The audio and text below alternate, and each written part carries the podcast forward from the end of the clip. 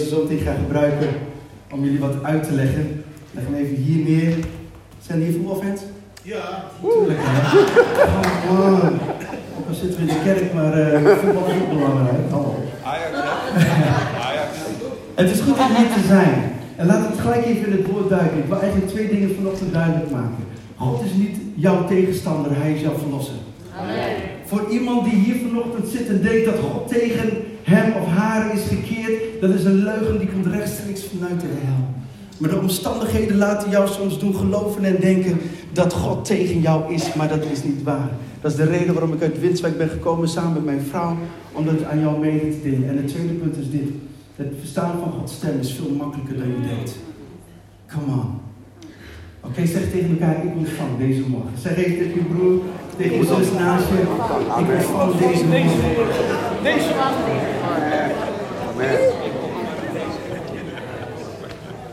Weet je, ik, ik, ik ga steeds meer zeggen dat wat we allemaal horen en met de virus wat hier aan de gang is en de verhalen die we horen zes dagen in de week via social media, misschien op het werk of gewoon thuis, hoor je soms slecht nieuws of soms hoor je vaker slecht nieuws. Maar als je in de kerk komt, dan ben ik van mening dat je goed nieuws moet horen.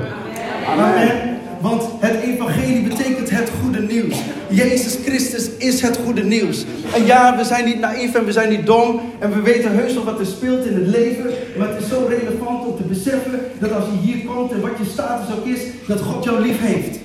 God heeft jou lief. Ook al heb je vanochtend nog verkeerde dingen gedaan. Sommigen zijn misschien in de auto gestapt met ruzie met hun kinderen, met hun vrouw, met hun man.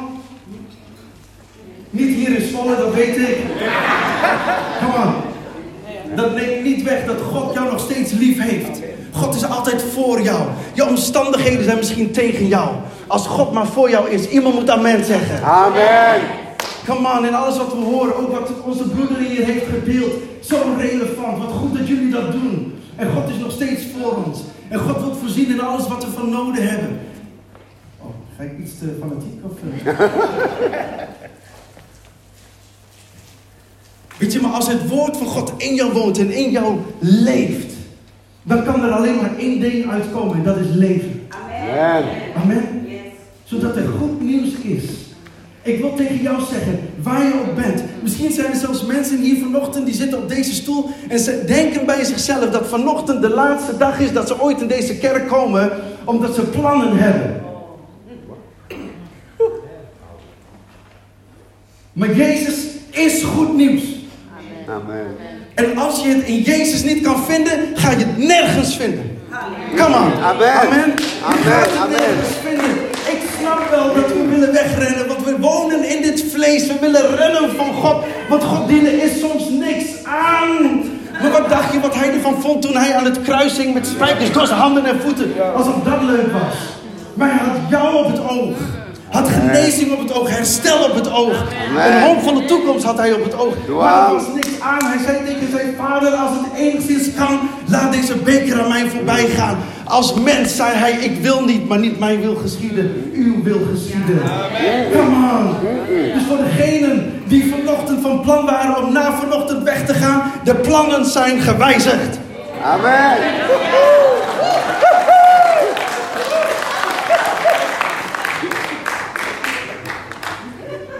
Waarom jullie zo reageren, maar het zal, het zal, het zal ergens goed voor zijn.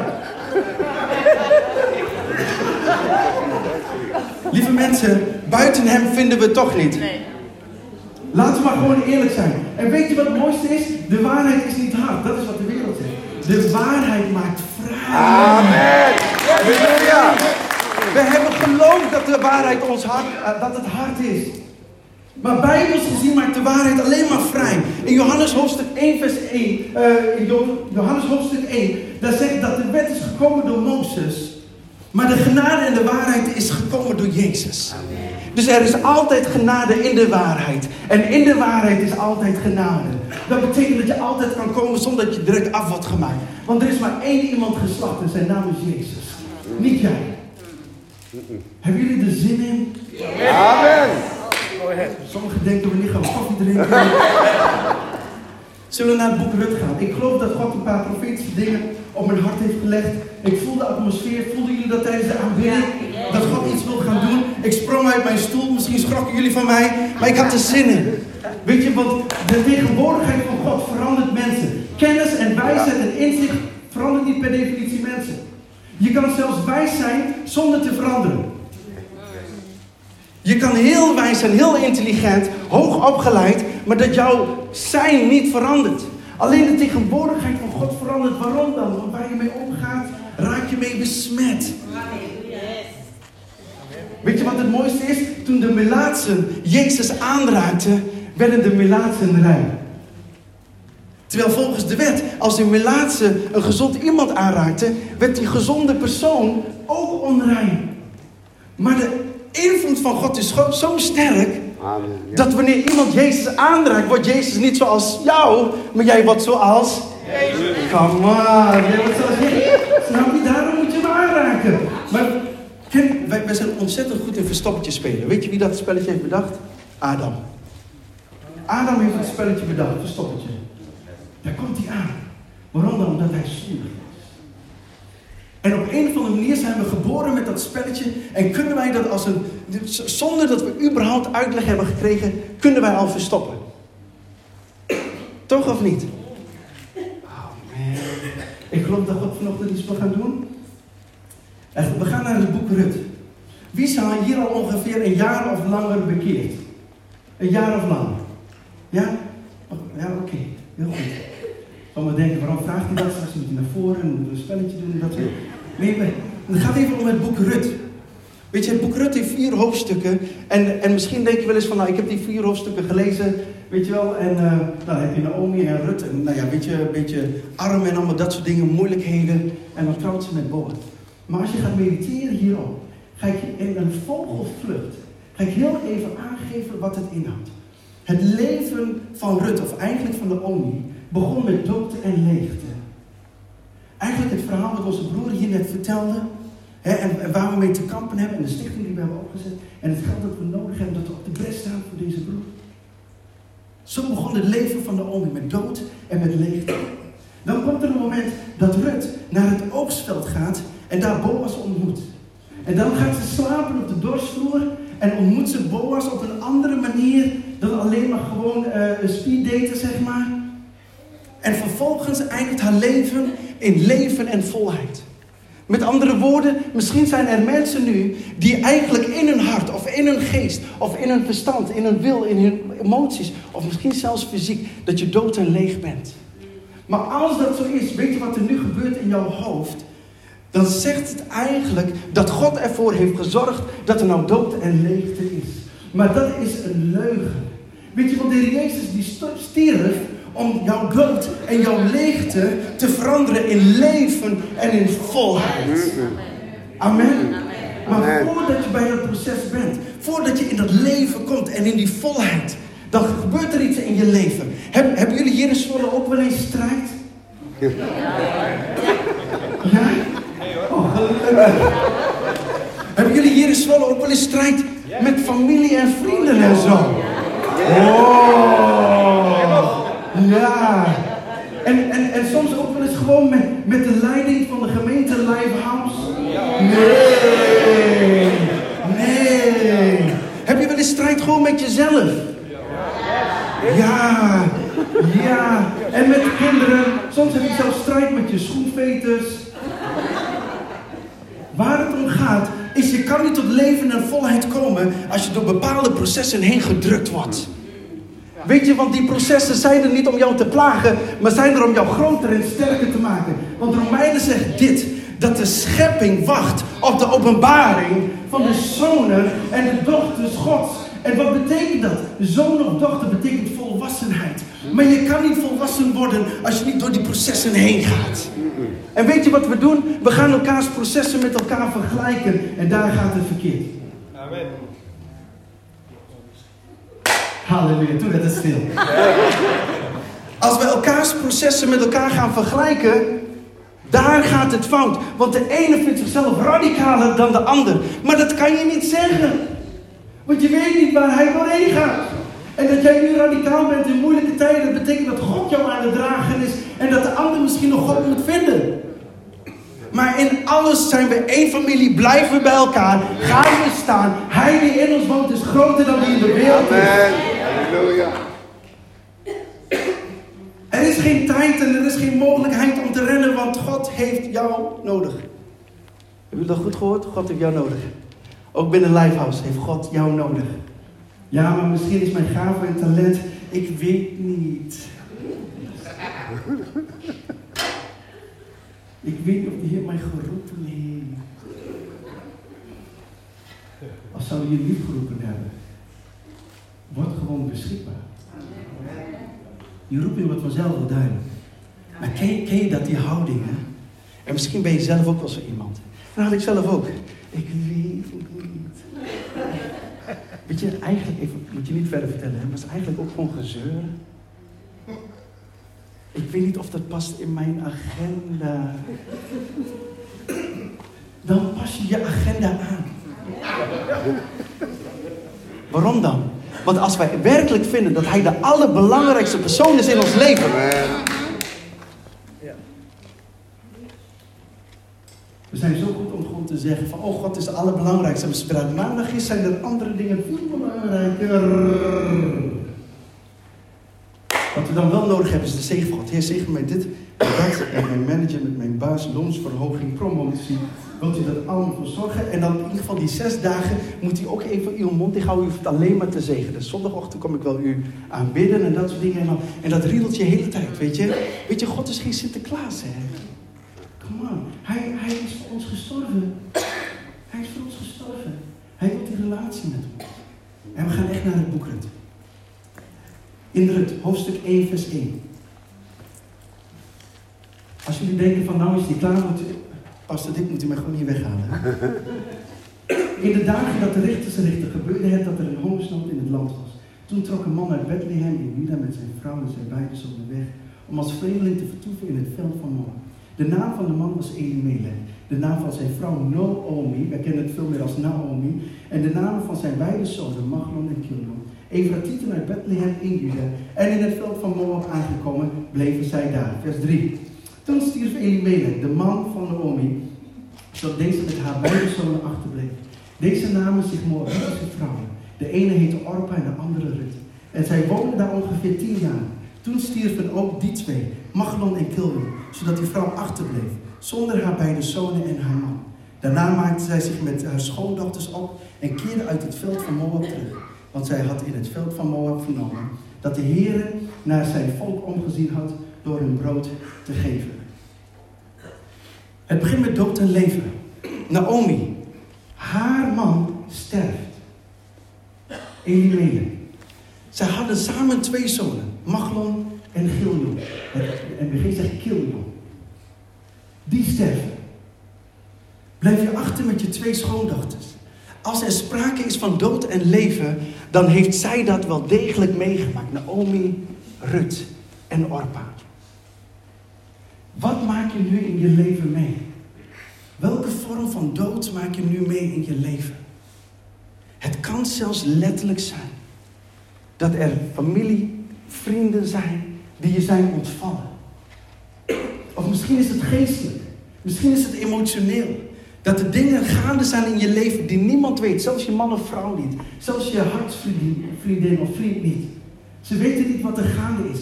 Ik geloof met heel mijn hart dat hier mensen zijn die echt oprecht God willen dienen, radicaal voor Hem willen gaan. Maar dat er situaties zijn dat hun, als het ware, dat hun zegt dat ze gedisqualificeerd zijn.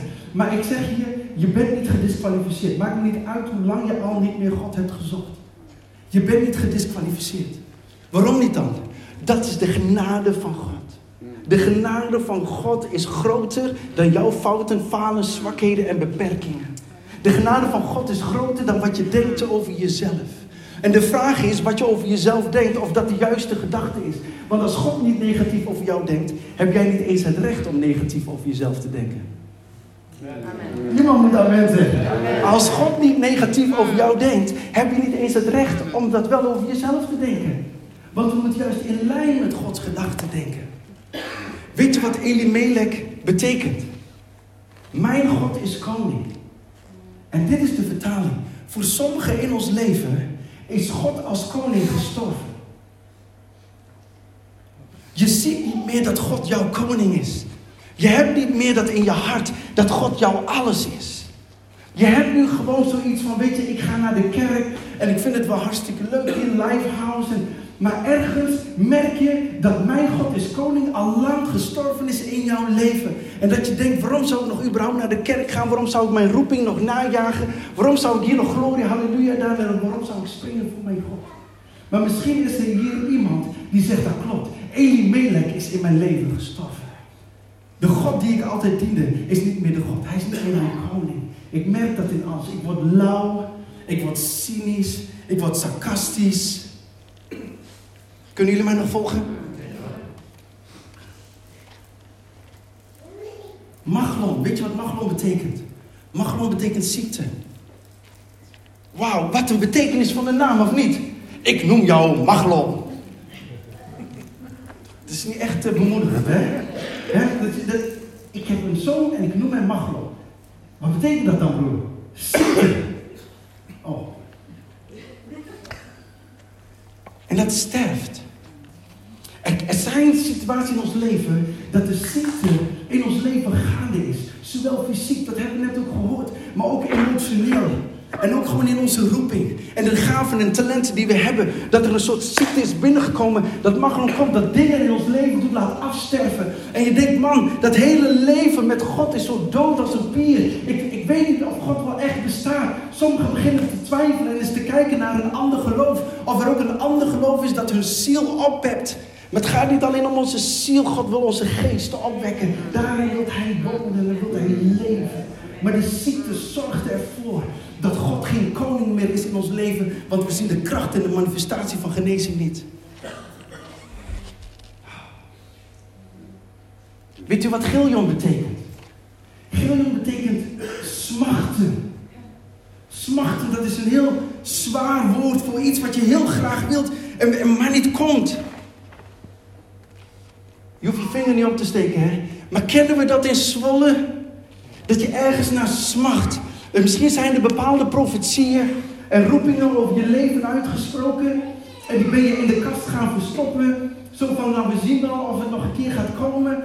En weet u dat u soms een keer op de fiets zit of aan het winkelen bent bij de uh, of een boodschap aan het doen bent bij de Jumbo of bij de Lidl of waar dan ook. En dat er zo in één keer zo'n gedachte van, van smacht zo door je hart heen gaat. En dat je denkt, wat doe ik eigenlijk in deze winkel? Want ik voel gewoon aan alles dat er is iets wat Gods geest op mijn hart heeft gelegd. En daar denk je even drie seconden over na en dan pak je de hagelslag, die doe je in je winkelwagen en loop je verder. Come on.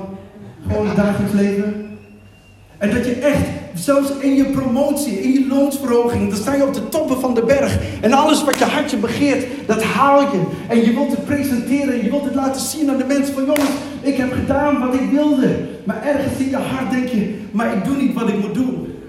Ik heb gedaan wat ik wilde, maar ik heb, doe niet wat ik moet doen. En dat is smachten. En zelfs dat zorgt ervoor dat het in je leven sterft. Dus dan kunnen we allemaal wel heel stoer doen.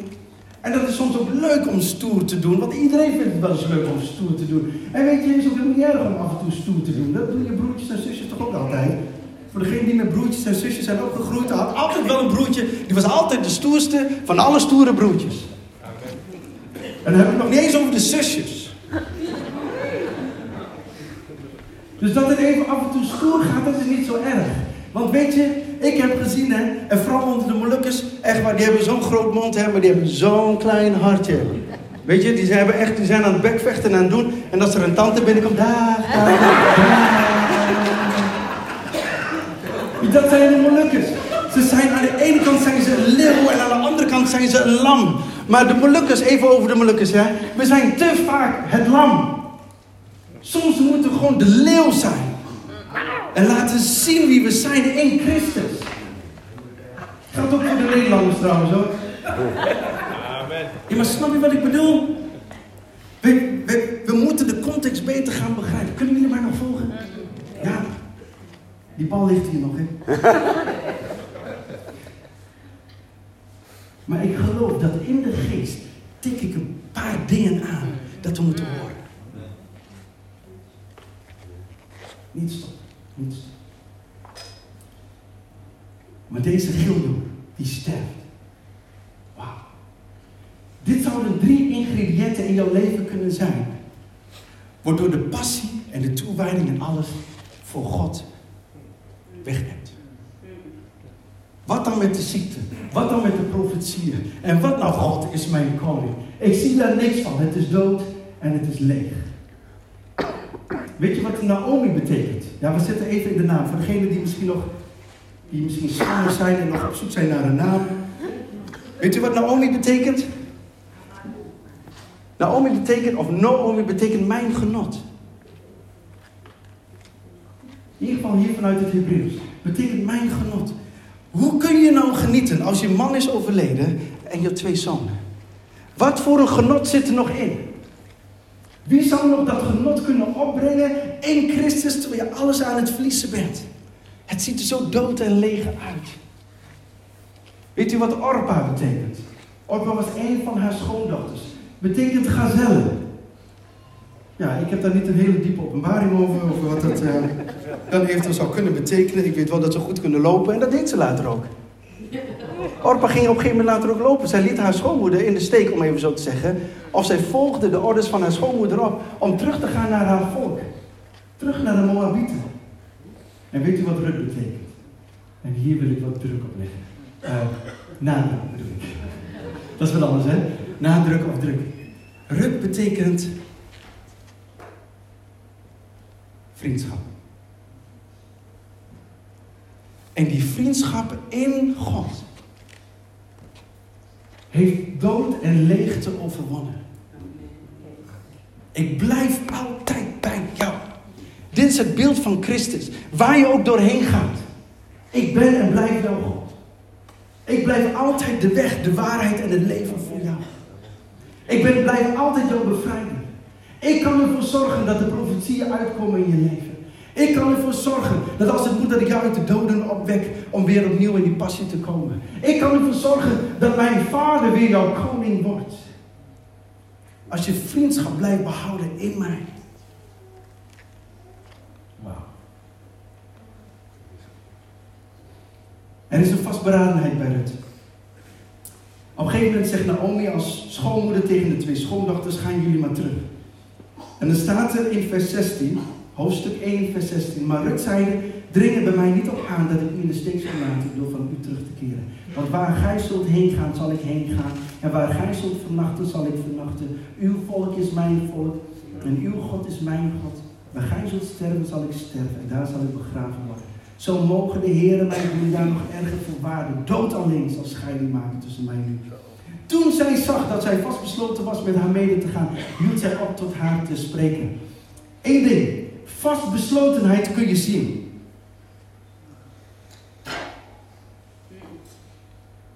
Als iemand vastbesloten is, kun je dat zien in zijn of haar non-verbale communicatie. Zullen we gaan? Nee. Vastbesloten. Hoe vastbesloten ben je om God te volgen? Hoe? Of is het alleen maar als er brood is, als er geen hongersnood is, als er alleen maar glorie, halleluja is? Dan is er vriendschap. Maar zodra het allemaal wat minder wordt, is er geen vriendschap. Ik weet dat dat in Zwolle niet het geval is, want jullie zitten me aan te kijken zo van, ik weet niet waar je het over hebt. Maar God is daarnaar op zoek. Weet je, we mogen best wel geloven dat God van tijd tot tijd ons door een test heen brengt. Om te testen waar je hart is. Dat is niet alleen maar in het Nieuwe Testament. In het Oude Testament worden mensen ook getest. Zelfs het volk Israël wordt getest als ze Egypte uitgeleid worden. Om te zien wat er in hun hart is. Dat is best heftig. Maar het is ook goed om dit te weten en te beseffen, omdat God niet alleen maar een God is waarmee we geknikkerd hebben. Hij is ook een heilige God. En tegelijkertijd Abba Vader, door zijn Zoon Jezus Christus. En de Heilige Geest die in ons woont, die wil dat duidelijk maken aan ons. De vastberadenheid van Rut. In Rut 2, vers 7. Ik ga een beetje snelheid maken. Zijn jullie er allemaal nog bij? Ja? In Rut 2, vers 7 staat... Heeft gezegd, laat mij toch oplezen en inzamelen bij de schoven achter de maaiers. En zo is zij gekomen en zij is bezig geweest van de morgenstond af tot nu toe. Het is iemand die weinig thuis zit. Wat er gebeurde is dat Rut is eigenlijk naar de, naar de akkers gegaan om daar als arme vrouw, om daar koren en alles gewoon te rapen. En van haar wordt gezegd, het is iemand die weinig thuis zit. Ik wil even één ding zeggen. Jouw daden, uw daden, bepalen uw reputatie. Reputatie wordt niet zozeer gecreëerd door wat je over jezelf zegt. Reputatie wordt gecreëerd door wat je doet, wat door anderen opvalt en over jou een goed getuigenis wordt afgelegd. Dat is reputatie. Het is niet van dat Melvin zegt, ja, maar ik ben dit en ik ben dat. En ik kan heel goed zus en kan heel goed zo. En, en ondertussen doe ik helemaal niks. Dan denken jullie ook van, zijn holle klanken toch? Maar reputatie wordt gecreëerd door wat je doet, niet door wat je zegt. Wat opvalt door anderen en waar anderen een goed getuigenis over afleggen. Dat is reputatie. Dan heb ik nog iets in Rut 2, vers 11. Boas antwoordde haar: Mij is omstandig medegedeeld. Zie je, daar komt het. Anderen vertellen over Rut. Alles wat gij voor uw schoonmoeder gedaan hebt na de dood van uw man en hoe gij uw vader en uw moeder en het land uw geboorte hebt verlaten en gegaan zijt naar een volk dat gij tevoren niet kendet. Vers 12. De Heere vergelde u uw daad en uw loon vallen u onverkort een deel van de Heer, de God van Israël, onder wiens vleugel gij zijt, uh, gij zijt uh, komen schuilen. Daarop zeiden zij, gij betoont mij wel uw gunst, Heer, want gij hebt mij vertroost en naar het hart van uw dienstmaagd gesproken, hoewel ik niet tegelijk ben van één uw dienstmaagden. Wauw, wat cool. In Rut 3, vers 11, ook nog iets over de reputatie. Want wat we net hebben gelezen, dat is dat Boas zegt tegen Rut, ik heb alles al over jou gehoord. En in Rut 3, vers 11, er staat, nu dan mijn dochter, wees niet bevreesd. Alles wat gij zegt, zal ik voor u doen. Want ieder in de poort van mijn volk weet dat gij een deugdzame vrouw zijt. Anderen weten hoe Rut wandelt. Met andere woorden, jouw vriendschap met God wordt opgemerkt. Rut betekent vriendschap. En Rut had, kijk, Rut is een die wist niet eens, de God van Israël, die kende zij niet eens. Zij kende de God van Israël niet. Zij was een Moabitische. En in Deuteronomium lees je dat de Moabit nooit in de tent des Heren mag komen tot aan de tiende geslacht. En deze vrouw juist wordt gebruikt als een voorbeeld. Dat is de reden waarom ik zeg, iedereen die zich vanochtend voelt als een Moabit, van harte welkom.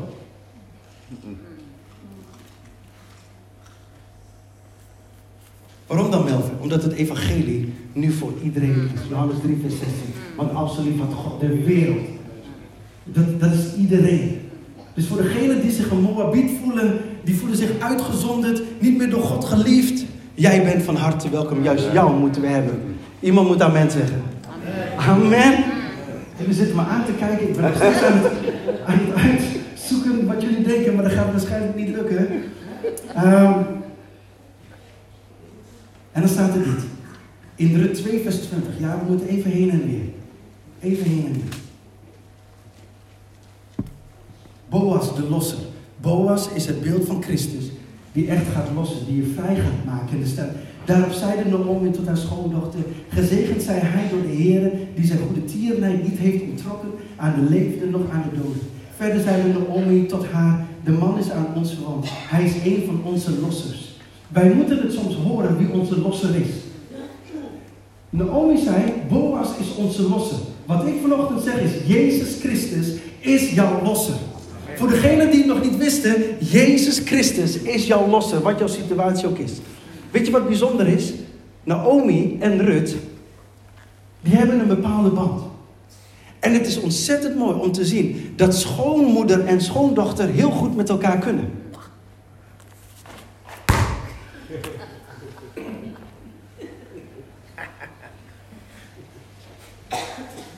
Wat wil je daarmee zeggen dan, Melvin?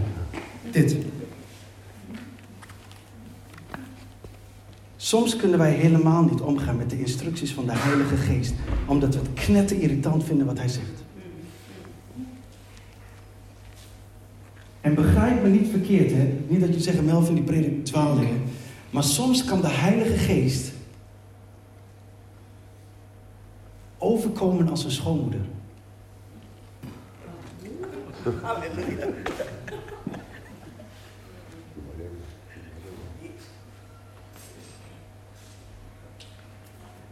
shakalaka.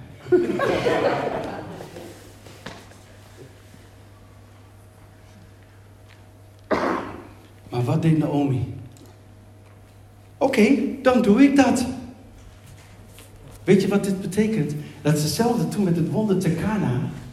Toen, toen zei Jezus tegen zijn moeder: Vrouw, mijn uur is nog niet gekomen. En toen zei Maria tegen de bediende, want Maria wist wel beter van wie Jezus was. Wat hij u ook zegt. Dus met andere woorden, wat hij ook zegt, geen discussie met hem aangaan. Niet vragen waarom dan, wanneer dan, hoe dan. Doe dat. Dus hun met dat water weer in die vaten. En die wisten niet beter, dus die namen ge- gewoon water mee naar de ceremoniemeester. Die dachten, oh, dit wordt ruzie. En terwijl zij liepen, was het water veranderd in wijn. En zegt de ceremoniemeester, ongelooflijk. De meester zetten de slechte wijn aan het einde van de bruiloft. En wat doen jullie? Het beste wijn. Weet je wat er gebeurde in die wandel? Veranderde water in wijn. Maar God wil dat je gaat wandelen. En tijdens het wandelen geschiet het wonder. Waarom zou God een wonder geven aan iemand die er toch niet gelooft? Ah, daar klopt niks van. Elimelech, mijn God is koning, is al lang dood. Dat gaat eigenlijk niet gebeuren. Weet je, we zitten hier in Lifehouse, dus we moeten wel realistisch zijn. Wat? Realistisch zijn omdat we in naar Lifehouse gaan? Realistisch zijn omdat we in Zwolle wonen? Even onder elkaar en even plat? Doe eens normaal. Want God is niet gebonden aan Zwolle. God is gebonden aan jouw geloof. En in Zwolle kun je gewoon geloven. En ik heb goed nieuws voor Nederland. Het is gratis. gratis. De Molukkers zouden zeggen gratis. Het is gratis. Dus je kunt er net zoveel van nemen als je wil. Sommigen denken, man, we, moeten echt koffie gaan drinken, want dit wordt... eh,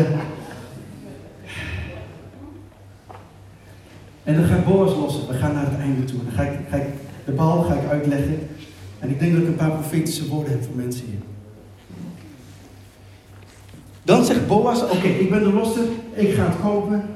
En weet je wat Boas doet? Jullie kennen het vast wel. Hij doet zijn schoen uit en overhandigt zijn schoen aan degene die dat stuk grond nog bezit. Het uitdoen van de schoen is de formele of juridische overdracht van eigendom. En wat dan gewoon was, stel je voor dat dit stuk grond was, hè? En ik ging dit ehm, stuk van Oom Wendel kopen. Hè, Oom Wendel? Wilt u de schoen uitdoen? Nee, nee, grapje. Waar het om ging is dit. Zodra ik het ging kopen, moest ik mijn voet op dat stuk grond zetten om het in bezit te nemen. En vervolgens ging ik terug, bij wijze van spreken, naar de verkoper en dan gaf ik mijn schoen en zei ik, alsjeblieft, dit is de overdracht. En er zaten er altijd oudsten vanuit de stad, die waren getuigen.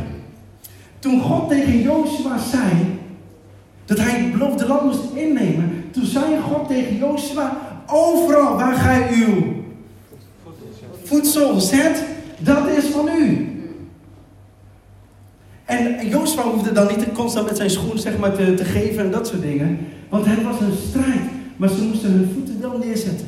Weet je wat werd aangevallen bij Jezus Christus voordat hij aan het kruis ging? Of wat er geprofiteerd is over zijn leven toen ze nog in de Hof van Eden waren? God die profeteerde dat de duivel de hiel van Jezus zou verbrijzelen. Waarom dan? Omdat je je hiel nodig hebt om in bezit te kunnen nemen. En Satan wou niet dat Jezus hier op aarde zou komen om jouw leven in bezit te kunnen nemen. Maar prijs God, met diezelfde hiel heeft hij de kop van. Satan vermorseld. Zodat jullie vrij zijn gekomen. Kan iemand amen zeggen? Dit is goed nieuws. Dit is goed nieuws. Wauw. Toch? Oké. Om Wendel mag ik u even vragen naar voren te komen. Wij gaan nou echt iets met die bal doen. En voor het, mocht het te hard gaan, dan ken ik hem goed genoeg dat we daar nog steeds vrienden zijn daarna. Voor degenen die zeggen, ja maar God, stem verstaan is toch lastig? Hoe doe je dat? Kennen jullie dat? Dat je God gaat zoeken en dat je hoopt dat de gordijnen dan een beetje gaan bewegen, dat je weet dat de geest er is? Jongen, jongen, hou daarmee op. Hou daarmee op. Want ik zou zeggen, als de gordijnen bewegen, doe je raam dicht.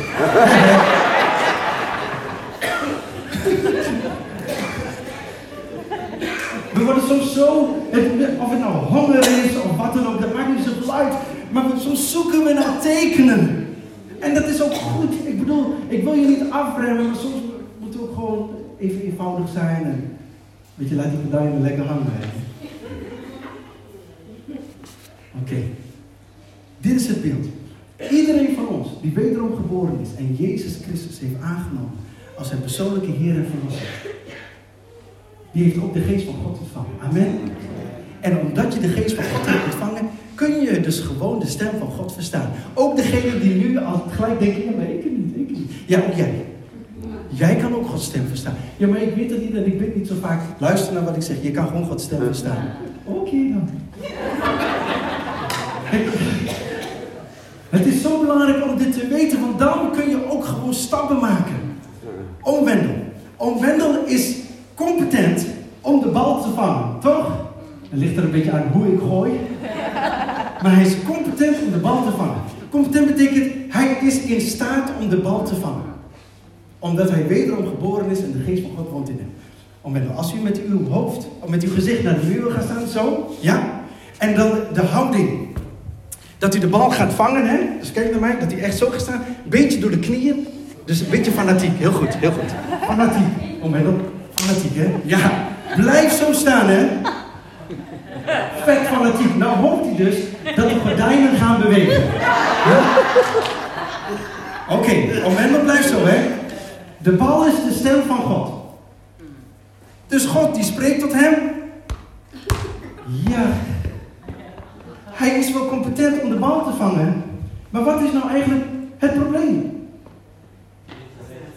Hij staat verkeerd toch? Niet helemaal, niet helemaal. Zo. Zo houden, hè? Niet vals spelen. Dus we gaan draaien. En we zijn, nou hopen we niet alleen maar, zeg maar dat de gordijnen bewegen, maar misschien dat de kastdeur ook een beetje gaat raffelen. En, en, en God die spreekt weer, maar er, er wordt helemaal niks gevangen. Het heeft niet te maken met wat je kan. Het heeft te maken met hoe je staat. Omwendel nou naar mij. En ook echt vangen, hè. Anders... Als omwendel niet vangt, het ligt niet aan mij. oké? Oké, gaat ie. Yes! Kijk, en nou denk je, ja, dat is makkelijk. Dat is precies wat ik wil vertellen. Zo makkelijk is het. Maar we maken er een soort gordijnen, kastdeur, dekbedachtige, spreek tot mij, heer, uw dienstknecht, luister, verhaal van. Maar, wat, is dan, wat is er dan gebeurd in dat draaien? Wat is er gebeurd in dat draaien? Dit. Onderwijs. Onderwijs.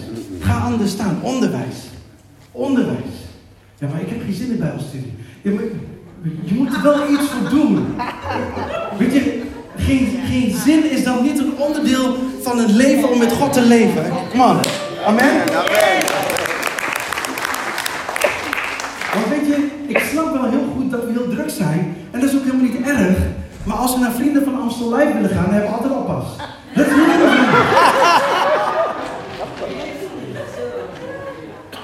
Als het om God gaat, ja, ja, druk hè, druk. Come on. En weet je, wij hebben ook een druk gezin hè. Fulltime job, in de weekenden gewoon zondags weg, zaterdag langs de lijn, door de week vergaderingen met de kerk. Sommige mensen zeggen tegen mij, heb je tijd voor jezelf? Ik zeg, voor wat? Ik leef voor iemand. En ja, natuurlijk heb ik mijn tijd om te ontspannen. En ja, natuurlijk heb ik mijn tijd met Tamara. Dat mogen toch logisch zijn. Maar weet je, als het gaat om uitrusten, Zullen we dat straks samen in de hemel doen, in dat mooie parkje daar? Amen. Met z'n allen daar op de bank. Amen. Weet je nog? Amen. Weet je, en, en ik overdrijf een beetje, hè. Vul het in voor je eigen situatie. Maar mogen we af en toe nog weer eens een keer moeite doen voor God, ook door de week? Come on. Je wordt er niet slechter van, sterker nog. Kijk. Automatisch, hè? Dat is toch geweldig. Eh, applaus voor Menno, wat mij.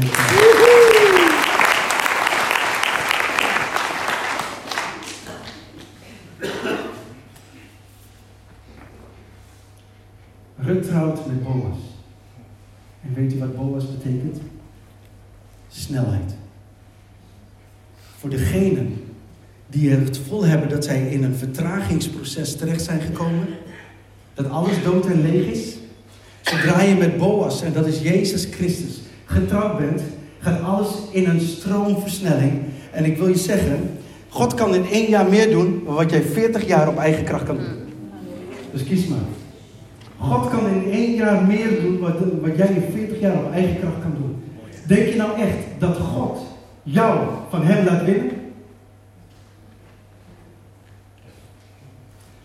Ik ga het ook aan deze kant even vertellen, want daar hadden ze iets van, nou ik weet het niet. Denk je nou echt dat God jou van hem laat winnen? Denk je dat nou echt? Probeer maar. En hier gaat het niet om van wie is de sterkste. Hier gaat het erom dat God is niet tegen jou. Hij is jou bevrijden. Maar dan moeten we wel naar onze schoonmoeder durven te luisteren. Pastor Dick en Pastor Mas, naar voren komen. Ik heb een woord voor je.